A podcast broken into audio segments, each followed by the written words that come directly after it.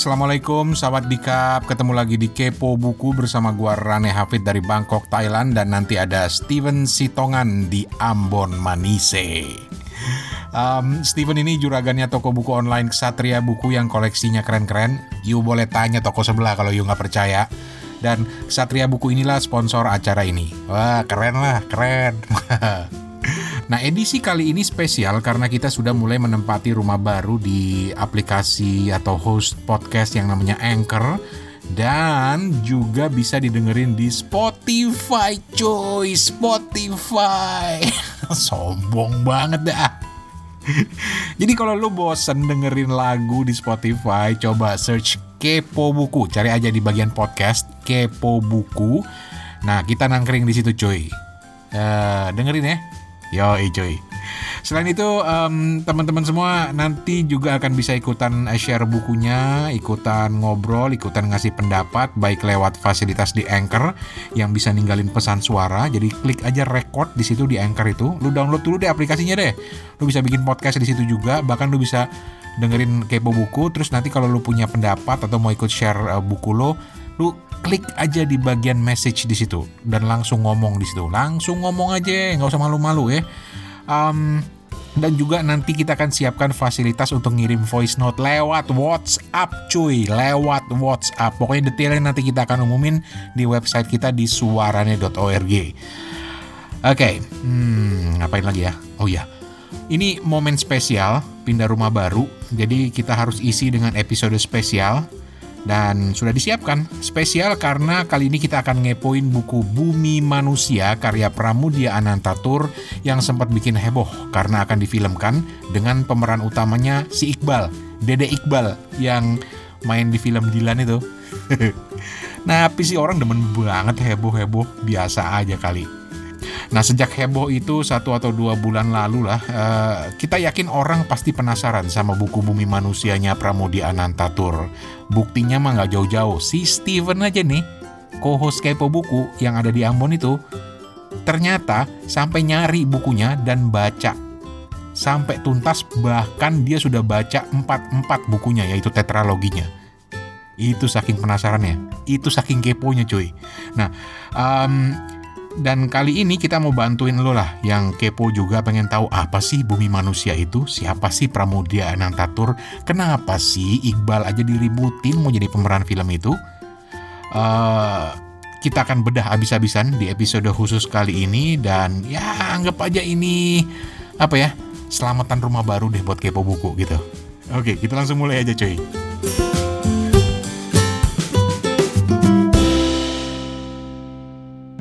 Dan untuk itu kita sekarang menuju ke Ambon, ketemu dengan Sinyo Mingke. Apa kabar Sinyo?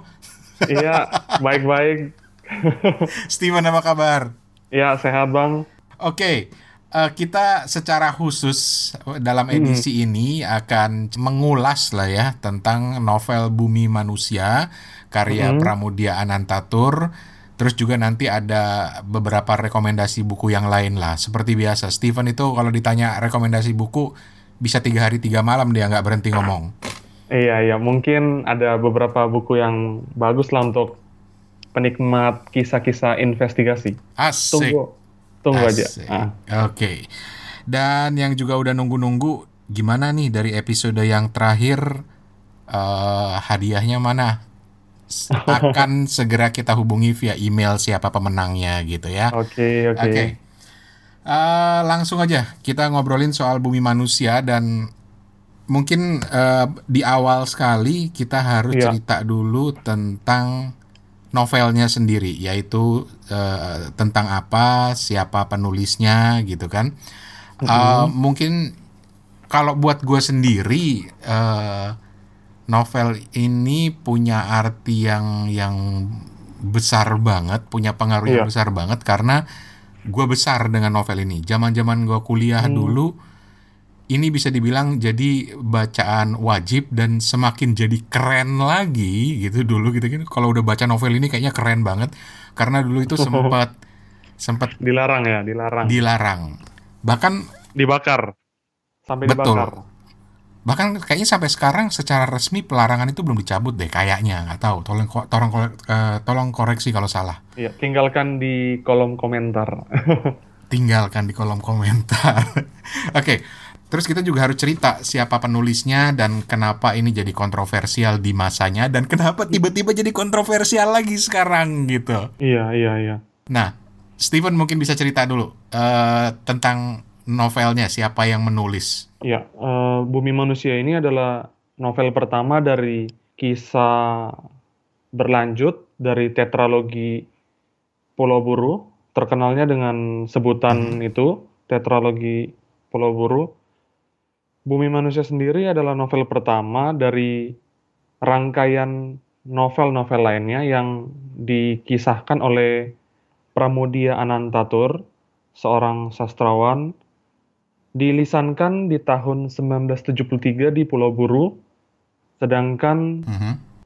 dinaikkan dalam bentuk tulisan di tahun 75. Jadi ada selang dua tahun di antara uh, penyampaian penceritaannya Pram secara langsung di camp tahanan politik waktu itu di Pulau Buru. Mm -hmm. Kemudian diterbitkan dalam bentuk buku. Tapi di di naskah yang saya pegang diterbitkan oleh Lentera di Pantara di sini dituliskan naskah Bumi Manusia ini diterbitkan tahun 1980. Iya. Terus di, terus dilarang di tahun 1981 oleh Jaksa Agung pemerintahan waktu itu. Dan mungkin uh, perlu sedikit saja kita ceritakan siapa itu Pramudia Anantatur. Tadi sudah disinggung oleh Steven seorang sastrawan ya, tapi ada masa di negara kita ini ketika mm berbeda pendapat itu dianggap subversif. Jadi oke okay lah ini ini masalah politik lah mungkin kalau orang-orang generasi gue yang kemudian dengar gue menyederhanakan ini menjadi ah masalah politik aja mungkin akan tersinggung berat gitu ya tapi karena masalah perbedaan politik hmm. kemudian Pramudia diasingkan ke Pulau Buru gitu nah di sana menariknya dia ya emang dasarnya suka nulis ya sastrawan dia uh, mulai udah mulai punya apa ya alur cerita gitu dan dia memang punya obsesi sendiri hmm. untuk menulis atau apa ya menuangkan sejarah Indonesia masa lalu itu dalam bentuk cerita. Buat gue itu ide yang keren gitu loh bahwa mungkin dia dulu udah sadar bahwa uh, nantinya akan menarik ya kalau sejarah masa lalu itu diceritakan atau disampaikan dalam bentuk cerita dalam bentuk novel yang banyak terinspirasi dari kisah nyata gitu ya Steven ya. Iya. Dan menurut aku ini mm -hmm. Bumi Manusia adalah sebuah roman yang yang mengagumkan begitu. Aku baru ngeh, uh, kisah percintaan itu memang bikin kita jadi lebih simpatik kepada kisah Bumi Manusia itu sendiri, Bang ya. Mm -hmm. Dari dari awal kita udah udah klik nih dengan sosoknya Mingke yang menjadi tokoh sentral dalam perjuangan kaum pribumi nih yang menuntut persamaan hak, membebaskan dari ketidakadilan company gitu ya bang ya betul betul dan yang menarik adalah banyak yang menyangka novel Bumi Manusia ini atau tetralogi Pulau Buru ini mm pada masa hidupnya Pramudia Anantatur. Padahal konteks novel ini sendiri adalah pada masa antara tahun 1898 sampai 1918. Jadi bayangkan betapa Pramudia itu bisa uh, punya wawasan yang luas tentang Indonesia di masa-masa itu yang bahkan belum bernama Indonesia masih bernama Hindia Belanda banyak sekali detail-detail sejarah menarik yang dia punya dan dia memulainya tidak dari menulis tapi dari bercerita jadi tahun do, tahun 73 seperti yang Steven cerita tadi dia memulai dengan bercerita kepada teman-temannya sesama tahanan Kemudian pada tahun 75 dia dapat hadiah mesin tik merek Royal. Iya. Lu pernah pakai mesin tik nggak, Steven? Uh, pernah lihat waktu SD. pernah. Iya. gitu. Jadi dia dapat hadiah mesin tik dan dia mulai menulis di situ uh, semua. Kemudian dibakar, di, diambil oleh uh, para penjaga dan hebatnya lagi ketika mau diterbitkan. Mm -hmm dia tulis ulang itu berdasarkan dari apa yang dia ingat. Wow, wow. itulah kehebatan seorang pramudia sampai bisa nempel begitu ceritanya gitu ya. Dan uh, kemudian ya hasilnya jadilah yang namanya thread tetralogi Pulau Buru yaitu Pulau Buru. yang terdiri dari empat novel. Yang pertama itu Bumi Manusia, Anak Semua Bangsa, Jejak Langkah dan Rumah Kaca. Ini bersambung ceritanya terus ya namanya juga tetralogi. Iya. Nah, Bumi Manusia inilah yang akan difilmkan. Nanti kita obrolin nanti gitu ya. Tapi sekarang jalan ceritanya. Gimana Steven kalau menurut lo? Gue pernah pengen tahu eh, dari sudut pandang lo. Mungkin dari jalan ceritanya dulu. Iya, jalan ceritanya tuh benar-benar asik gitu, benar-benar benar-benar anak muda ya kalau aku bilang ya.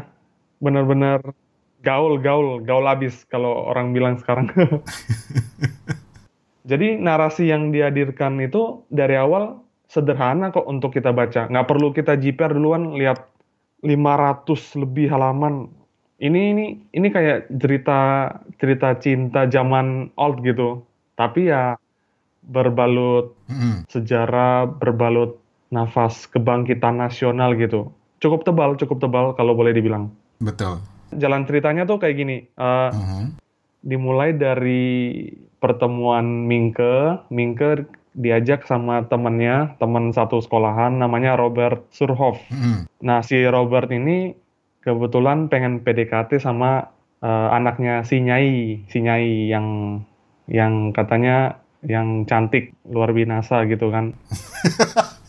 si anak si anaknya nya ini juga luar biasa cantik dan di awal-awal pertemuan Mingke dengan keluarga ini, Robert ketemu dengan kakaknya si sulung dari si Nyai yang juga bernama Robert itu mengharapkan sebuah apa ya, sebuah pertemuan yang bisa akan mengikat mereka ke depan. Tapi hasil pertemuan pertama itu tidak disangka-sangka si Robert Surhoff.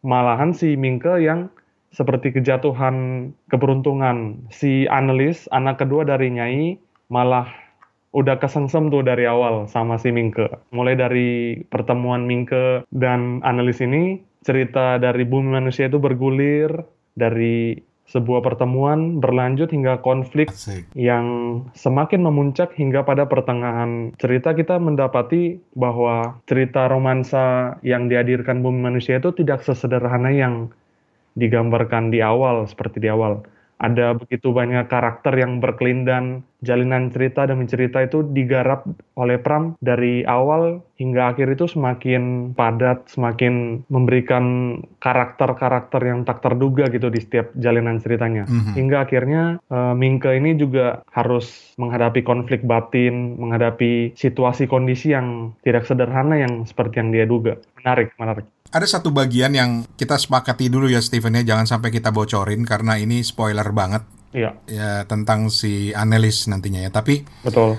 Itu tadi sekilas lah tentang uh, jalan ceritanya.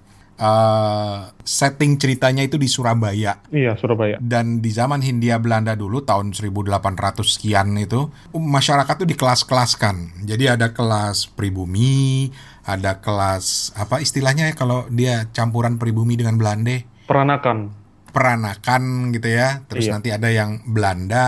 Belanda totok. Ada Cina ada Jepang gitu ya. Iya Arab. Arab.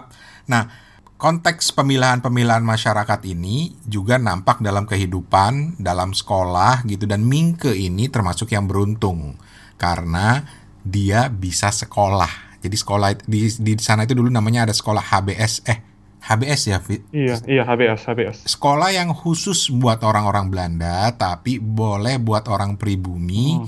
yang punya anak bupati. Ah itu dia, dia punya privilege khusus gitu. Nah Mingke ini sebenarnya anak bupati, cuma dia nggak pernah mau ngaku gitu loh. Bahkan dia punya iya. nama lengkap, ada gelarnya dia itu Raden gitu ya dan dan dulu iya. itu Raden itu di zaman Hindia Belanda itu punya kekuatan hukum, kekebalan hukum gitu. Iya, dia tidak bisa dihukum dengan pengadilan pribumi. Itu dia. Nah, mm -mm. Mingke itu sendiri sebenarnya nama sindiran ya, karena itu diambil dari kata monkey, eh, monkey ya? Iya, monkey. Tapi kemudian karena orang pribumi tidak bisa menyebut monkey, jadinya mingke gitu. Tapi kemudian nggak tahu kenapa Mingke menyukai nama itu, akhirnya dia lebih banyak menggunakan nama itu dan ke mana pun dia pergi dia memperkenalkan nama itu. Jadi buat teman-teman yang lagi dengerin, bayangkan bahwa Mingke ini yang nanti akan diperankan oleh Iqbal. Iya iya, seorang seorang gitu. Jawa Tulen yang mendapatkan pendidikan Belanda uh-huh. yang mendapat pencerahan dari revolusi Perancis juga bahwa kedudukan manusia itu sebanding, setara. Tapi di kondisi situasinya di Pulau Jawa saat itu, di keluarganya sendiri, mm-hmm. dia akan bertabrakan dengan pemahaman baru tersebut. Betul. Itu itu Mingke. Terus nanti ada tokoh-tokoh yang penting-penting dulu lah ya. Ada iya. uh, Nyai Ontosoroh. Iya kalau sekarang disebutnya uh, selir gitu ya. Selir iya. Jadi jadi dia istri tidak resmi dari seorang tuan tanah Belanda yang namanya Mel, uh, uh, uh, uh, Tuan Melema lah kita sebut aja namanya gitu. Uh, orang Belanda totok yang kawin dengan Nyai Ontosoro. Nyai Ontosoro itu dijual sama si tuan Belanda itu gitu loh dan dan dulu ketika ada istilah nyai itu selir itu udah dianggap hina banget gitu. Tapi yang menarik adalah karena nyai Ontosoro ini digambarkan sebagai selir yang cantik iya. cuantiknya luar biasa iya. tapi dia punya niat kuat untuk belajar. Dan oleh suaminya si Belanda ini dia diberikan segala fasilitas diajarin bahasa Belanda gitu ya bisa bahasa Prancis kemudian uh, diajarkan mengelola perusahaan bahkan kemudian nanti perusahaannya itu besar gara-gara Nyai Ontosoro ya. Iya. Nah, Nyai Ontosoro punya anak yang namanya Annelies dan Robert. Nah, Ro Annelies ini yang nanti akan diperankan oleh Mawar de Jong. Kebetulan namanya Belanda juga ya. Iya. Indo namanya ya, Indo, Indo. Indo, iya. bukan peranakan, Indo. Gitu. Terus terus terus terus terus lanjut yang paling aku suka dari Bumi Manusia itu memang apa ya bikin bacanya tuh deg-degser gitu jantung kita jadi terpompa cepat karena karena kita pengen tahu sih apa sih yang bikin bumi manusia itu sesuatu yang terlarang gitu. Betul. Iya, padahal isinya Betul. isinya benar-benar apa ya? Benar-benar memang bikin penasaran karena penceritaan Pram sendiri bikin kita greget pengen tahu aja apa langkah selanjutnya, apa apa kisah di balik ini, apalagi, apalagi, apalagi. Dan membaca bumi manusia ini tentu tidak dapat dipisahkan dari semangat perjuangan melawan ketidakadilan yang tadi, yang sangat-sangat tersirat.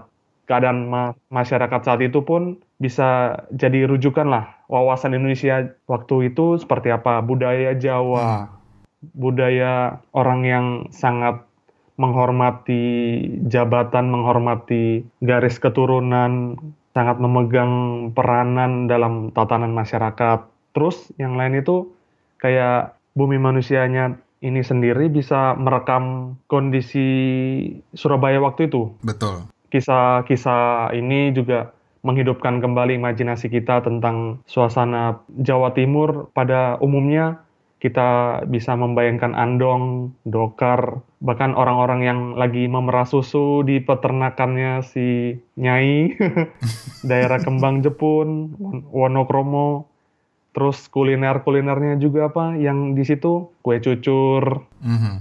Kulinernya tuh yang dikasih sama Pram tuh yang aku tangkap tuh cuma kue cucur sama apa gitu ya. Paling minuman-minuman minuman biasa, rokok juga mungkin di buku novel pertama, kedua, rokok jagung, terus naik ke cerutu, terus ternyata, bukan spoiler ya, ternyata yang uh, disenangi sama Mingke itu adalah minuman kopi susu sama cerutu. Itu di rumah kaca di, di diketahui.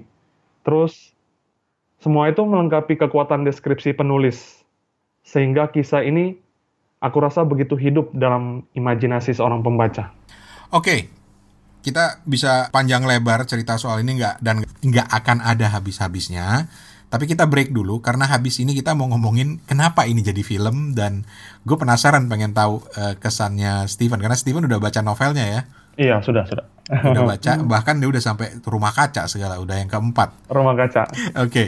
Uh, eh, kita akan cerita kenapa itu jadi uh, menarik dan jadi perdebatan di zaman now gitu gara-gara seorang Iqbal. Ya, oke, kita break dulu sebentar lagi.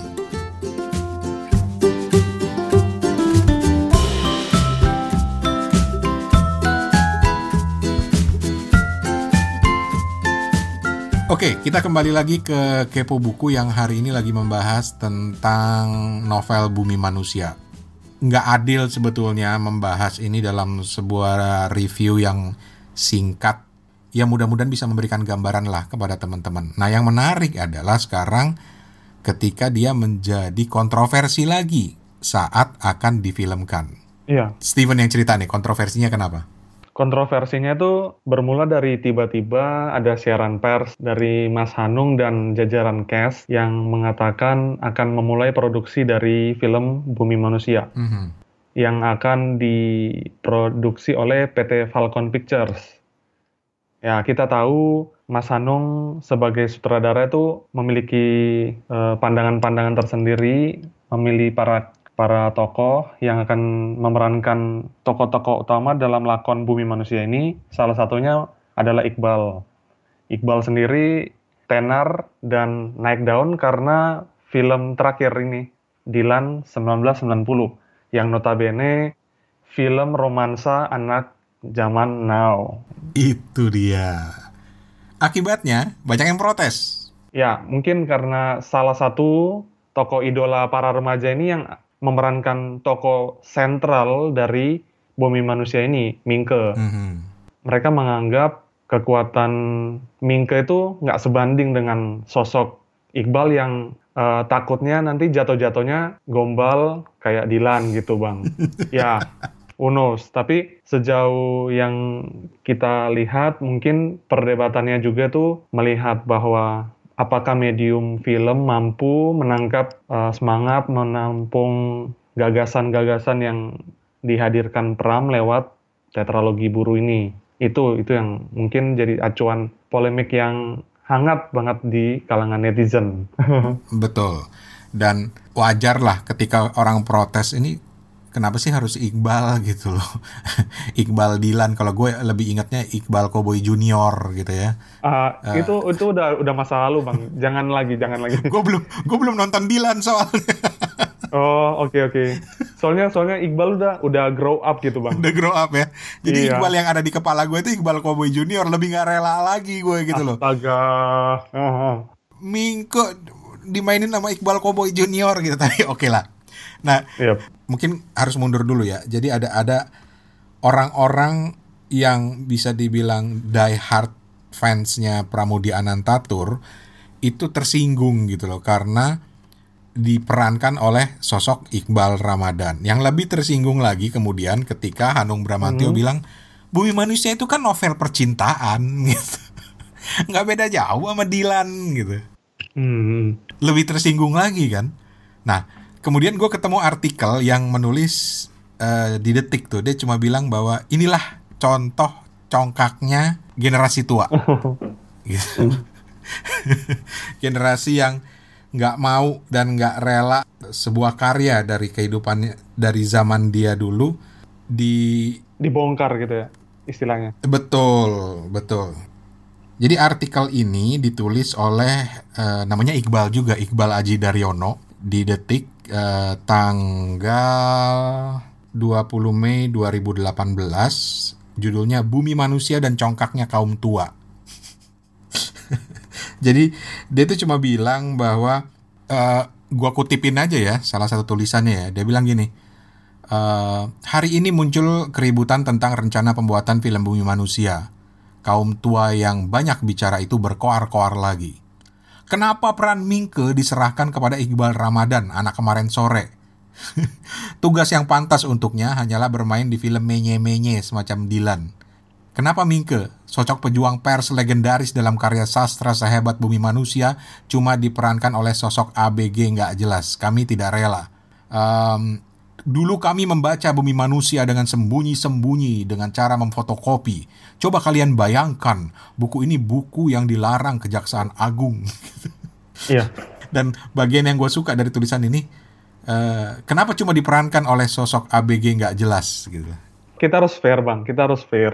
Uh, Bumi Manusia itu ketika itu Mingke juga uh, timelinenya dia masih seorang anak SMP atau SMA gitu ya kira-kira ya.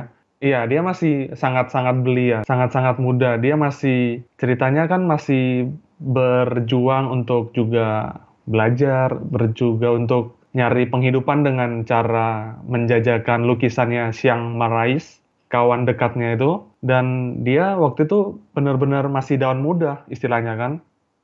Jadi siapa lagi aktor yang pantas untuk mendapatkan peran Mingke itu? Asal jangan Reza Rahadian. Ya. Ketuaan. Tapi siapa lagi? Siapa lagi kira-kira yang sosok uh, yang Jawa yang bisa uh, mendapati kekaleman dan ya sekaligus rupawan gitu. Jangan sangka kata Mingke itu sosok yang jelek. Dia tuh bisa menjadi seorang yang menaklukkan hati wanita juga loh. gitu. Iya, Mingke ini kan anak bupati. Jadi dia ada dia dia punya kelas yang yang yang agak tinggi, strata sosialnya. Uh, strata sosialnya tinggi. Dan dia bersih gitu istilahnya. Ya anak-anak zaman-zaman itu pasti parlent aduh kalau gue pakai istilah parlente tua banget ke sana tapi modis modis ya? Modis. Modis. Iya. parlente mah zamannya pramudia istilahnya. Dia modis banget agak-agak playboy. Kalau pramudia pakai istilah filogenik selalu mengaku-mengaku filogenik ya bang ya dia. Nah, filogenik nih bikin gue buka-buka kamus apaan ternyata filogenik itu adalah penggemar wanita gitu. Lawannya itu misoginik yang nggak suka sama perempuan gitu loh, hmm. yang anti perempuan gitu. Nah dari gambaran itu memang Iqbal lah yang cocok gitu menurut Hanung Bramantio walaupun kemudian generasi tua yang congkak itu menganggap nggak adil gitu loh. Mungkin karena Dilan. Iya. Yang dianggap film menye-menye buat mereka. Tetapi buat generasi yang hidup di zaman sekarang, generasi zaman now, itu paling keren. Jangan lupa, Dilan itu film yang paling banyak ditonton di Indonesia hingga saat ini. Oke, itu satu catatan yang harus kita akui bersama. Mm -hmm. Dan yang paling menjadi sebuah dorongan aku untuk membaca Bumi Manusia, meskipun ya kalau kita itu sebagai penggemar sastra, pembaca sastra Indonesia belum katam lah kalau belum baca tetralogi Pulau Buru. Tapi itu aja bikin saya baru baca Bumi Manusia ini karena film Bumi Manusia ini mau jadi film sesederhana itu saya mencoba mau mengambil buku Bumi Manusia dan membacanya. Gara-gara kontroversi mau dijadiin film itu? Iya. Jadi ya pengen tahu kenapa sih bisa jadi polemik yang enggak-enggak gitu deh. Dari situ ya jadi pengen baca. Dan kebayang nggak kalau nanti udah jadi film gitu loh. Iqbal pula yang main. Iya. Kebayang nggak betapa anak-anak kita nantinya, caelah anak-anak kita, generasi-generasi zaman sekarang kemudian tertarik untuk membaca seperti Steven gitu. Steven aja baru rencana mau dibikin film aja langsung tertarik gitu loh. Apa sih yang menarik dari novel ini? Betul. Apa gitu. yang benar-benar wow gitu sampai uh, Bumi Manusia ini yang settingnya settingnya zaman dulu benar-benar Jawa banget. Terus kebudayaan Jawa yang ditampilkan aja dari sesi pre press conference-nya kan udah kentara banget ya bang ya. Mm -hmm. Dari pakaian semua uh, kesan mereka waktu duduk, kesan mereka tuh kayak kita lagi melihat jauh ke belakang Indonesia tuh kayak gimana gitu loh. Mungkin mungkin itu yang juga menjadi titik kekuatan dari novel Pram ini membawa kita naik mesin waktu melihat situasi kondisi Indonesia pada waktu itu. Iya. Yang bahkan belum bernama Indonesia gitu ya. Iya. Nah, gini aja deh kalau menurut gue ya, ini subjektif lagi-lagi. Mungkin yang disebut uh, di tulisan detik tadi sebagai generasi congkak akan tersinggung dengan penyederhanaan ini tapi gue setuju banget sama Hanung Bramantio ketika dibilang ini novel percintaan khususnya yang bumi manusia ya. Ini novel percintaan. Karena memang dia berputar berputar di seputar kisah percintaan Mingke dan Anelis gitu loh. Iya. Tapi tanpa sadar kita disuntikkan juga dengan cerita-cerita lain latar belakangnya Surabaya zaman dulu uh, kehidupan pribumi, kehidupan sinyo-sinyo Belanda gitu. Itu tanpa sadar kita disuntikan karena kita tertarik pengen tahu ini gimana ujungnya percintaan si Mingke sama analis. Iya itu. mau akhir yang bahagia atau akhir yang sedih gitu ya bang ya? Penasaran ini di sini. Betul. Betul.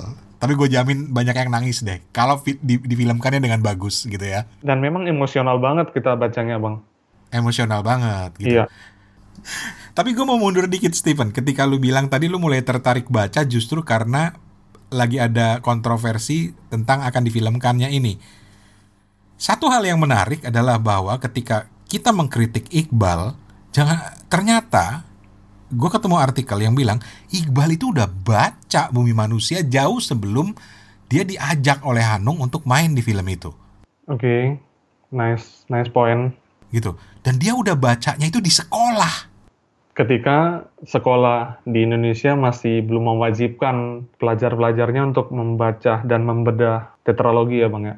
Betul itulah jahatnya politik ketika akhirnya karya-karya yang tidak sesuai dengan masa itu dengan ideologi politik ketika itu dibungkam dan akibatnya apa rugi gitu loh mm-hmm. di Malaysia Bumi Manusia itu dibaca di sekolah-sekolah mm. sama seperti wajibnya anak-anak sekolah di Malaysia yang sering kita ledekin sebagai maling sia itu wajib baca Rendra, wajib baca Sutarji Kalsum Bahri misalnya, wajib baca Putu Wijaya misalnya. Sementara kita yang menghasilkan kita gigit jari gitu.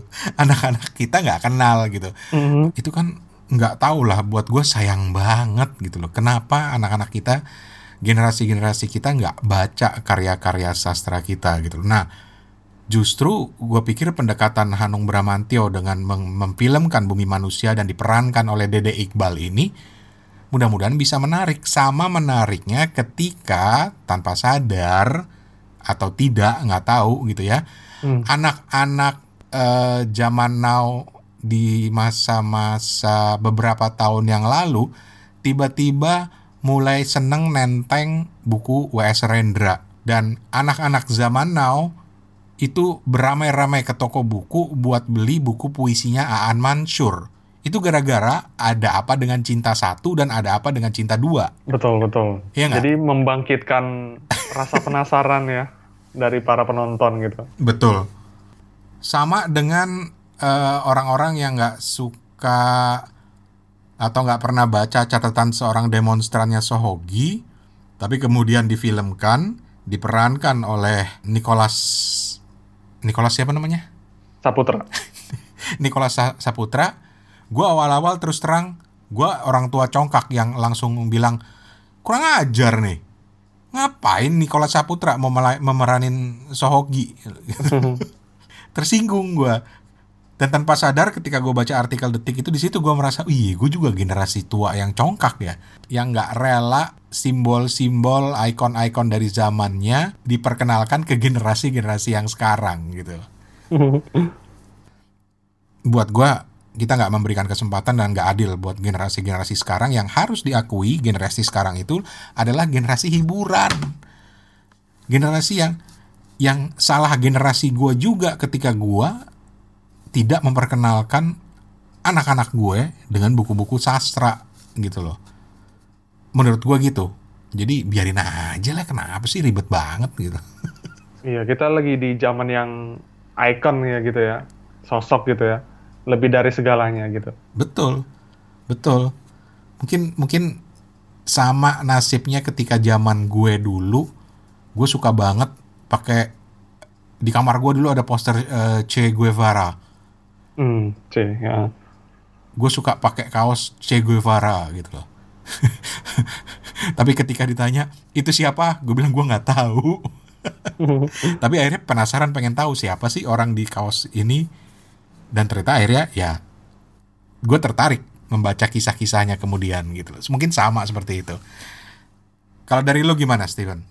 Aku aku di satu bab pertama itu aku mencoba menaruh sosok Iqbal dalam imajinasiku sebagai pemeran Mingke. Tapi setelah satu bab selesai, ah aku pengen pengen lebih mandiri aja deh, nggak usah pakai sosok Iqbal yang yang udah udah ketahuan kan kayak gimana. Tapi aku pengen lebih mandiri dalam mereka sosok Mingke dalam imajinasiku. Jadi ini istilahnya pengantarnya aja lah. Iqbal bisa uh, uh, iya mengantar istilahnya dia bisa uh, lebih lebih kayak menghidupkan lagi waktu dia ketemu pegangan tangan, cium pipinya si analis gitu. Oke, okay. mudah-mudahan ini cukup memberikan gambaran, walaupun buat gue sih nggak akan adil ketika kita bercerita tentang bumi manusia karena ini perlu waktu yang panjang untuk cerita gitu. Tapi kurang lebih begitulah. Kalau kemudian teman-teman yang membaca melihat dari sisi percintaannya dulu, ya silahkan.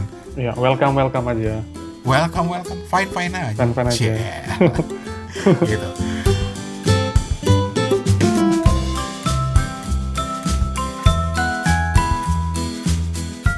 Oke, okay. thank you banget. Iya. Dan buat teman-teman sekalian, uh, perlu diinformasikan bahwa Kepo Buku sekarang sudah punya rumah sendiri di Anchor. Jadi cari aja di Anchor namanya Kepo Buku. Uh, kita akan cross promosi di channel utamanya Suarane Podcast juga. Tapi buat teman-teman yang memang minat dan mau cerita tentang buku, coba aja cek eh, episode-episode lama Kepo Buku juga ada di udah kita upload di situ. Dan yang terpenting adalah kenapa pindah ke Anchor, kenapa kita bikinin rumah sendiri? Karena kita pengen teman-teman juga untuk cerita hmm. langsung tentang buku-buku favoritnya yang lagi dibaca. Dan kenapa di Anchor? Karena di Anchor ada fasilitas di mana teman-teman bisa uh, uh, call in istilahnya, uh, voice call. Jadi voice bisa call. meninggalkan yeah. pesan suara di situ. Ceritalah kalian di situ tentang buku kalian gitu. Dan juga bahkan lu bisa mengirimkan voice note untuk ikut berpartisipasi di oh, iya. uh, kepo buku. Oke, okay, asik tuh. Uh, apalagi kalau pakai Anchor bisa nimbrong kan ya bang? Betul. Ke depannya benar-benar kepo buku itu tetap pada filosofi awalnya yaitu selalu kepo pengen tahu orang lagi baca buku apa. Karena kadang-kadang kalau kita keluyuran di bagian bestseller toko buku belum tentu bukunya menarik. Karena di situ bisa juga ada pertimbangan dagang juga ditaruh di situ. Iya. Uh, gimmick-gimmick bestseller gitu biasa gitu. Ya kadang-kadang juga gimmick gitu. Jadi mudah-mudahan dengan kepo buku ini benar-benar bisa memberikan uh, review buku uh, yang yang sejujur-jujurnya dan buku apa aja. Iya welcome welcome. Gitu. Bahkan kita lagi nantang uh, Toto nih salah satu host kepo buku untuk uh, dia sempat bilang gue boleh nggak ngulas tentang buku masak?